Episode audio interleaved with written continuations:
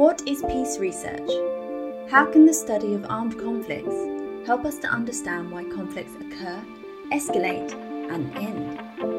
The Department of Peace and Conflict Research at Uppsala University has been working on building the foundations for understanding these critical questions since 1971. Researching Peace is a podcast celebrating 50 years of peace research at Uppsala University.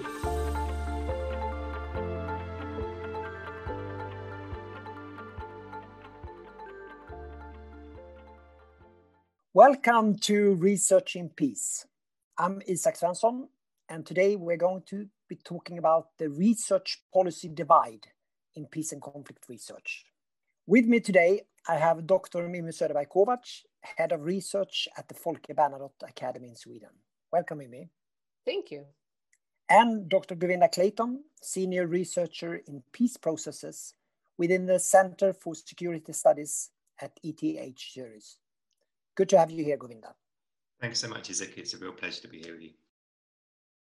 I'm very happy to be talking about the research policy divide with you two because I think you two are among the people in our field who have thought most carefully about this divide and how to bridge it. And you have also experimented with different ways of trying to think how to get a better communication, a relationship between policymakers and researchers who are interested in peace and conflict issues. So I would like to start off by setting the stage. Is there really a divide between research and policy when it comes to peace and conflict issues? And how does this, in that case, manifest itself from your perspective? Mimmi? Yeah, great question, Isak. I mean, I do think there is a divide and in many ways, the more I learn about it, I actually think it's it's greater than I thought when to begin with. I think when as researchers and when we're at university, we think it, of it more as kind of an information problem. And many of us feel a little bit of bad conscience for not more often writing in the newspapers or putting out our research in policy briefs and similar similar sort of forums. But being rather in the sort of policy and practitioner circles, I'd see the divide a little bit different. It's not only about not getting access to that research, it's, it's about questions about what is research, what research should guide you, how should you interpret it, and how understand a particular article that you have written, Isak, in comparison to an article by Govinda. Like, how do you make sense of that information? So, in a way, it's, it's sort of a greater interpretation problem, I think, in terms of that and also in terms of how that research is being used and for what purposes, um, not just to sort of inform policy and make the best possible policy, but it's also selection of what research is being picked and being used. So in many ways, I think it's a more complex divide. Govinda, how, how has this divide manifested itself from your perspective?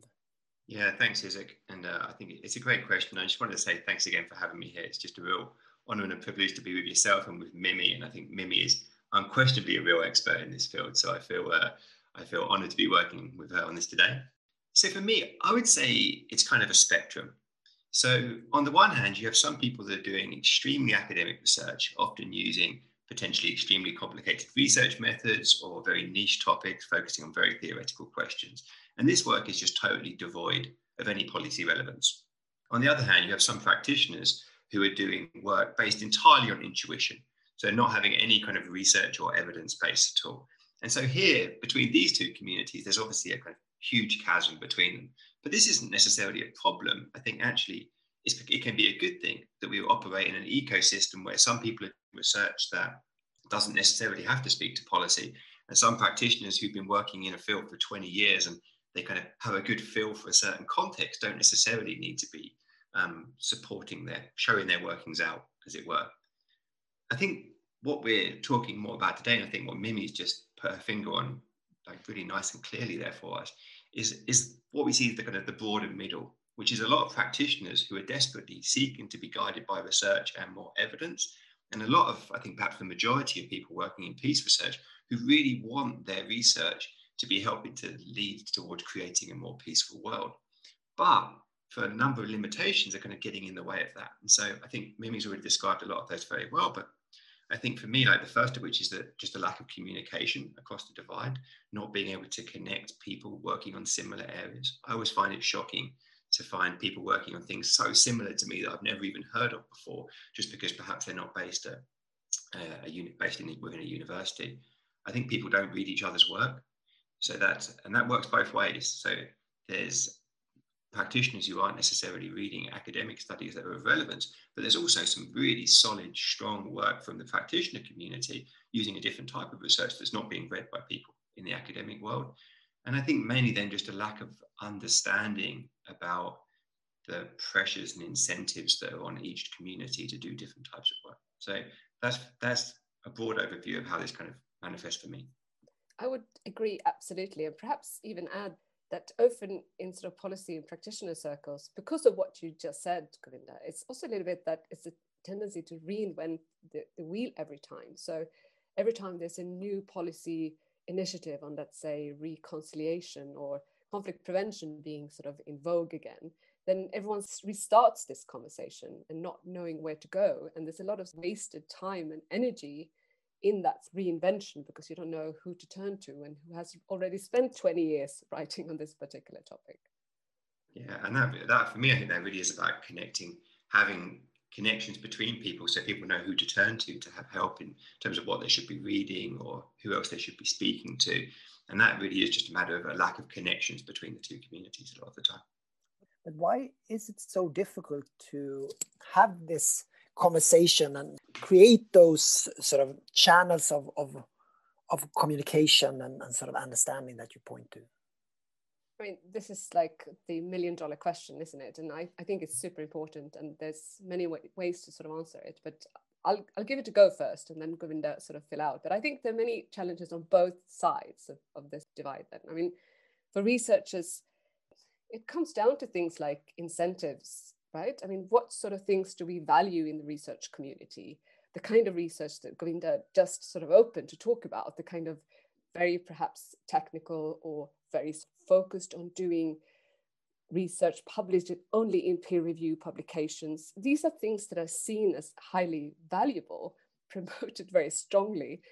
And that's seen as important in many ways, right? And the other sort of work is not necessarily appreciated or as highly awarded when we seek positions, for example. And this is very difficult to go in between the two worlds. I mean, it's difficult to have our academic positions are not meant as soon as you, let's say, leave academia for five years and coming back, you essentially have no new merits because you've been outside of those circles. It's also a little bit the way that the academic world is structured, I think, and what is rewarding. But there's also great challenges on kind of the policy side. And I think it's not so much about this notion of time, which I think is often brought up as sort of people are busy. I mean, surely there's a sense of busyness, but I think that is more about the way work is, is organized, etc. But I think it has to do with the fact that it's not always, even though many sort of talk about evidence based being the most important, we have to remember that many of these organizations are driven by many other reasons. I mean, they are essentially many times driven by political agendas or important global policy agendas um, that are not necessarily always compatible with, with where research is standing. And they also have, in, in spite of words about flexibility and agility, which are very often evoked, many have very rigid sort of mandates and missions. They can't just sort of change the direction of, of the field that they're working in or the funding streams that exist just based on where research is showing. So I think that sort of plays a difference that I think researchers oftentimes are not aware of these things. Um, for example, just because it turns out that a particular policy doesn't seem to be that effective and research is showing, you can't just change that entire rationale for that organization overnight. That's not how it works. So you have to find the, the opportunities and the timing where that information could actually be constructive and not just seen as sort of criticism, but actually play in in a useful way of um, skewing that direction or changing it slowly or gradually over time. Um, so I think that's part of the answer. I totally agree with everything Mimmi just said. So let me put some of that in slightly different words in case that's helpful for some people. But I think, I mean, the first point you make is, I think, is, is the most important one here, which is just the different incentives that different communities have. And so, for an academic trying to build a, an academic career, publishing in, in top journals, whether that be the American Journal of Political Science or even much more subject specific journals like the Journal of Peace Research or the Journal of Conflict Resolution, is what's going to get you promoted, is what's going to get you tenure if you're in that kind of system, is what's going to get you a new job in, in somewhere like Uppsala University, where we all aspire to work one day. Um, and so, and so for the academic, that's really what you want to be doing. But these type of outputs aren't accessible, they're not interesting, and, and they're often not focused on the type of questions that I think the practitioner communities are necessarily interested in. And so straight away you have this, uh, the incentives that people have getting in the way of, of collaboration across communities. I think building on that, often there's a difference between the type of questions that we want to answer as academics and the type of questions that practitioners want to have answered. So often in early communications that I've had with um, new colleagues that I've met, and we've been just exploring the possibilities to um, to work together on certain issues. The questions they have are very specific. So, for example, in some of the work I began doing in Myanmar a few years ago, I was interested in the role that ceasefires played in, in Myanmar in, in terms of the whole conflict peace process. But one of the people I was speaking to was very interested in what influence is that agreement having in this specific location at this specific time and how can we do something different right now to change that type of context? And and that's a really important question but that's a kind of question for a consultant rather than a question for an academic researcher. And so knowing where these different the different types of projects that people can uh, can bring their strength to the bear i think is, is an important thing to think about. And so that means often there's not a space for collaboration that interests uh, an academic researcher and a practitioner. So we have to look carefully to find these topics where there is a synergy where where we can um, work together.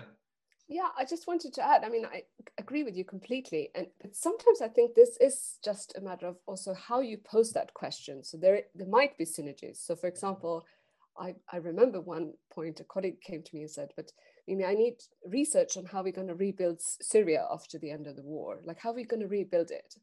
I said, well, you know, there's no book written about that because it hasn't yet happened. But we have to think about what are we really looking at? What kind of the way we think about it in the research community often about scope conditions or how can we generalize? What sort of situations can we draw on in order to understand what's best in order to rebuild Syria? But that's a complicated line of thinking anyway. So it might not be that the questions, the questions are very different. I agree with you, but there's a way to sometimes find synergies, but they might not be evident at first. But it's also, uh, just to add one thing, I mean, we think about in the research community, which is very evident to us, that we're part of a greater debate. So all of us just contributing with one piece of the puzzle. So just reading the work of Govinda Clayton is giving you one piece of that answer. Big piece. Just a big piece. most important piece, and a much less relevant piece by Isak Svensson. But together, they could provide for certain, for understanding where a field is going. And for us to say things like research is showing, then we need, you know, a number of research um, outputs going in a similar direction, having used many different methods, etc.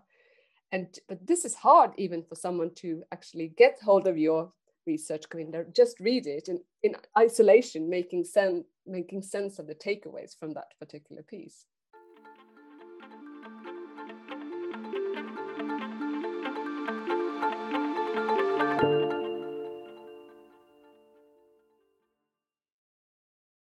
So one thing that this sort of links to is the question of uncertainty. I mean that mm. there's so much that we don't know, and when we are sort of going into this and researching peace and conflict issues, I think we all are struck there is still so much knowledge that we don't know. And how can we communicate that level of uncertainty that there is there is so much that we don't know to the policymakers? Maybe there is too high expectations of what what we can get in terms of evidence-based knowledge. Yeah, I mean, I think I think that's a great question, and I think thinking carefully about how we communicate to different communities is essential when, when we're thinking about these types of questions. So in an in an academic conference, it might make a lot of sense to present your findings with confidence intervals and where people have a, a an inherent understanding of probability and, and certain methods that that underpin those those types of assumptions. I think when we're when we're working with people who don't necessarily have that type of method training, we have to think about different ways of, of communicating um, the levels of confidence that we have in certain findings. And I think anything in the social sciences is inherently uncertain. They're such complicated processes. It's very difficult to speak about anything with, with a high degree of certainty. And of course, practitioners and policymakers understand that as well, probably better than most. Um, so I think it's just a case of, for me, build, and I'll come back to this point maybe in a second, but building up trusting relationships with people where you can acknowledge your own limitations and, and you can both have trust, open, trust, trusting and open and frank conversations with each other.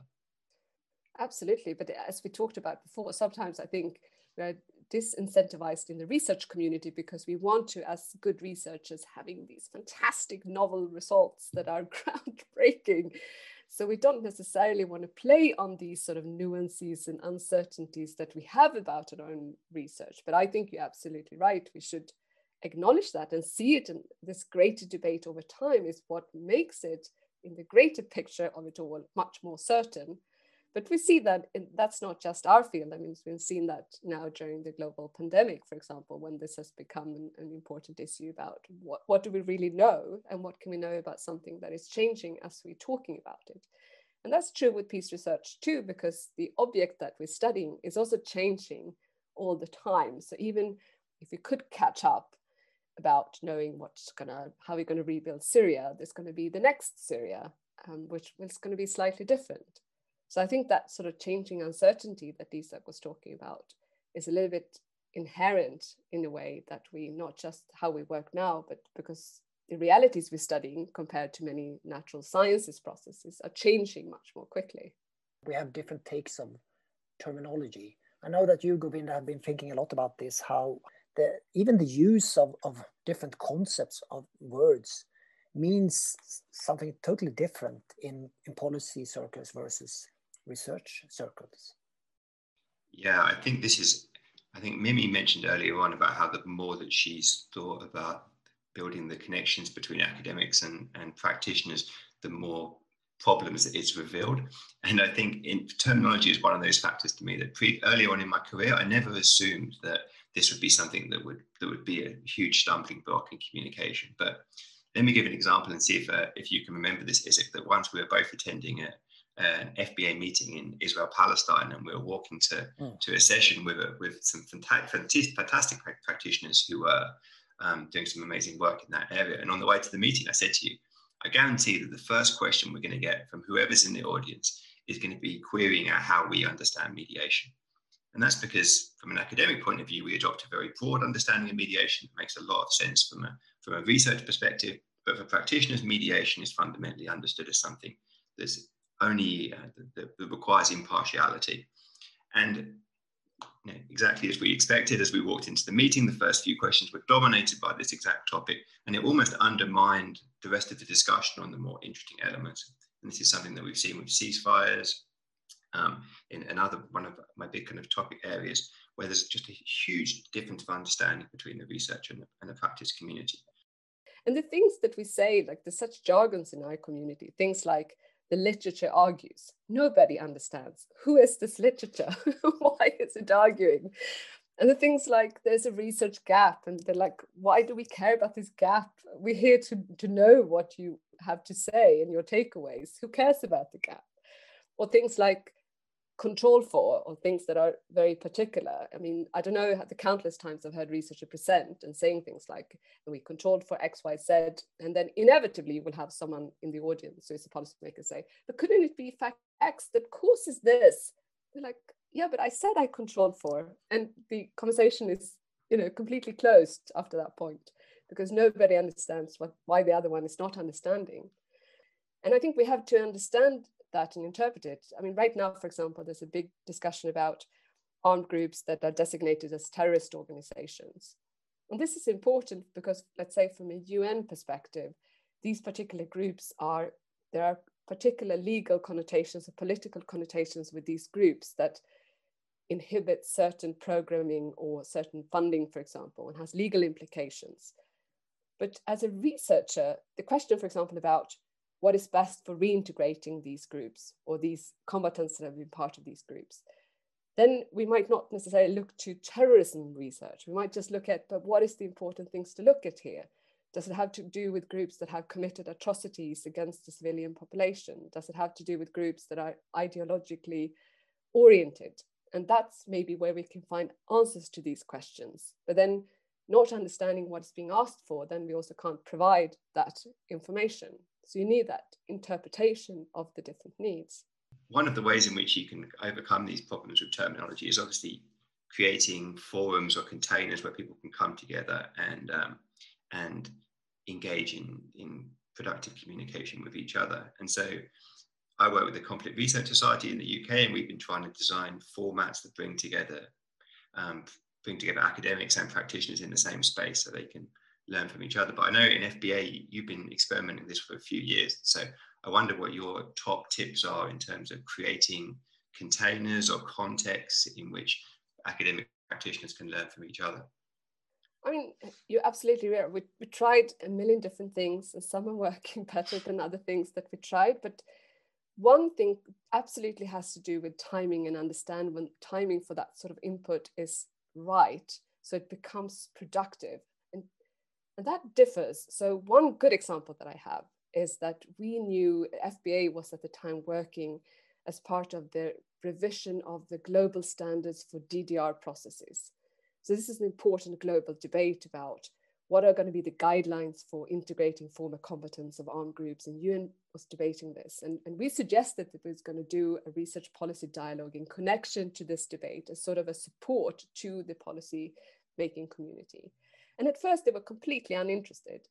And literally, up until the day before we held this meeting, nobody had confirmed that they're going to attend. But we just said we're going to arrange this meeting in the same hotel where you're staying and you can show up or not show up. And then we had actually the, the entire sort of policy making community did show up. And i think they were so surprised that the research presented was actually playing into exactly the kind of things they, they were sitting and thinking about at this particular point sort of things that what has changed over time what kind of what is true in terms of what we knew about gender sensitive uh, policies 10 years ago? What do we know now about women in armed groups that can help us? What do we know about um, Islamist armed groups that are being reintegrated? And all of this research is following parallel to these policy developments. So we found the timing and opportunity um, in a way they would never have asked for this information. So I think a lot about was timing, and it was an opportune moment because they were sitting and and reading to rewrite it. A year after it's completed, they're not going to be that interested. It took forever to do this, and it's a lot of politics and a lot of compromises involved. And then it's going to be set for some time. These guidelines can't change on an everyday basis because we've written a new article about something. So you have to find those opportune moments in policy circles where you can make that input and make it constructive and useful. And for that, you need people like us, I suppose, that have a little bit of information about both worlds and can function as interpreters.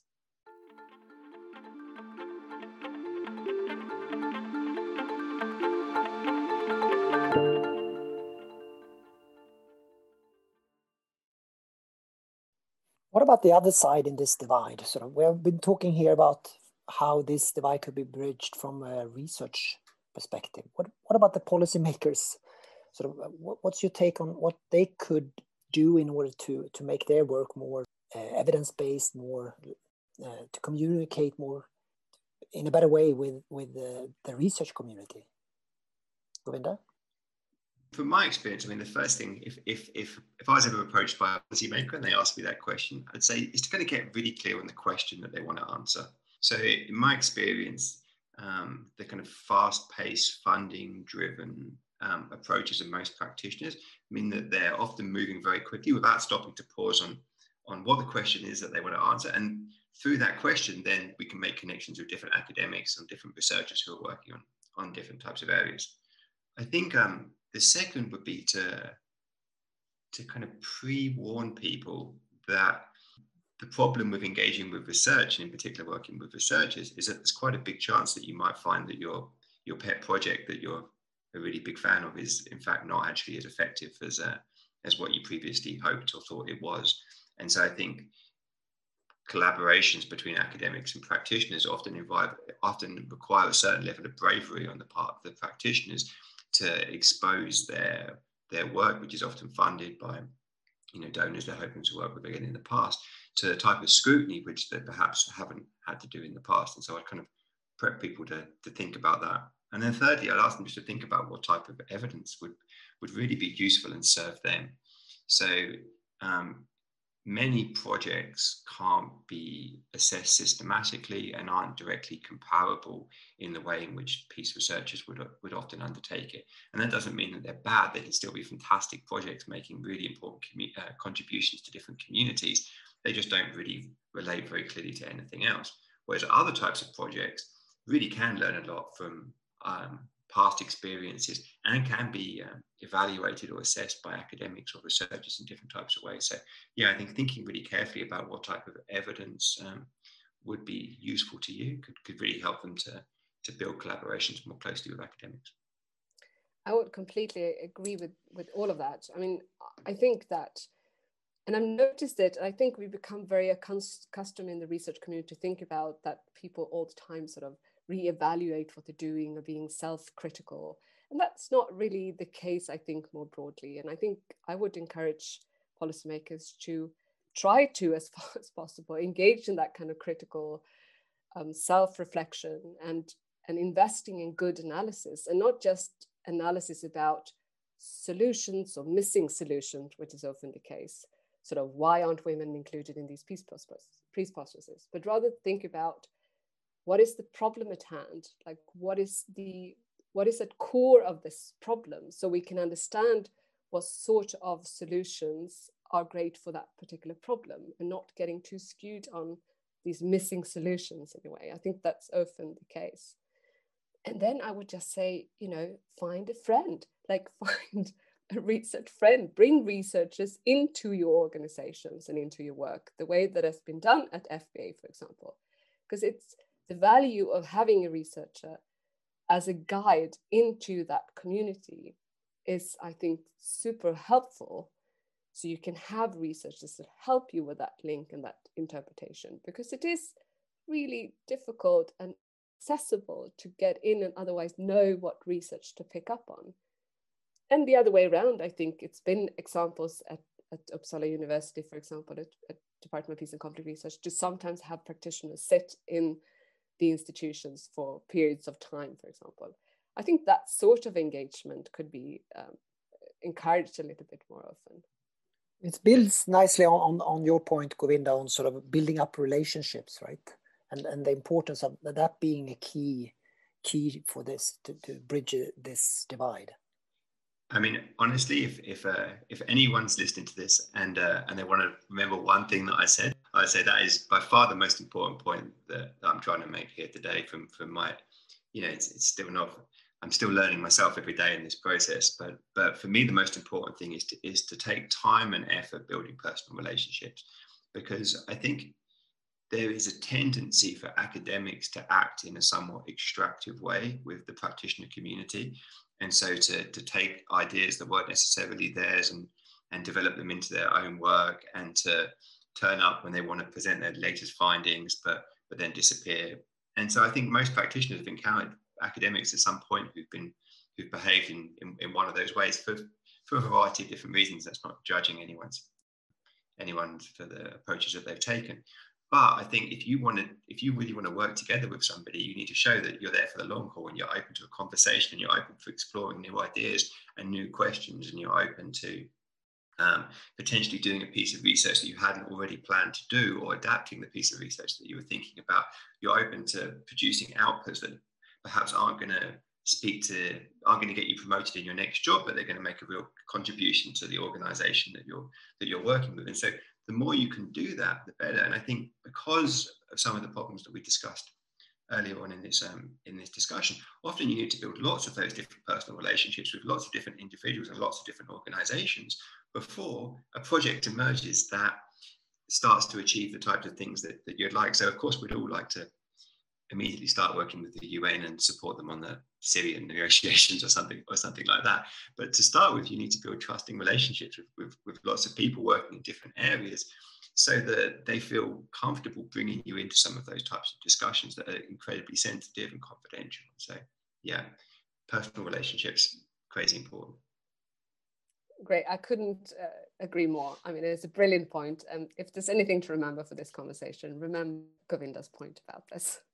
So I think we should draw this super interesting conversation to an end. Thank you so much, Mimmi and Govinda, for uh, these great thoughts. I learned a lot. Uh, it's been a, a fantastic to, to listen to you uh, and your, your thoughts and wisdom on these issues. And thank you all for listening to Researching Peace.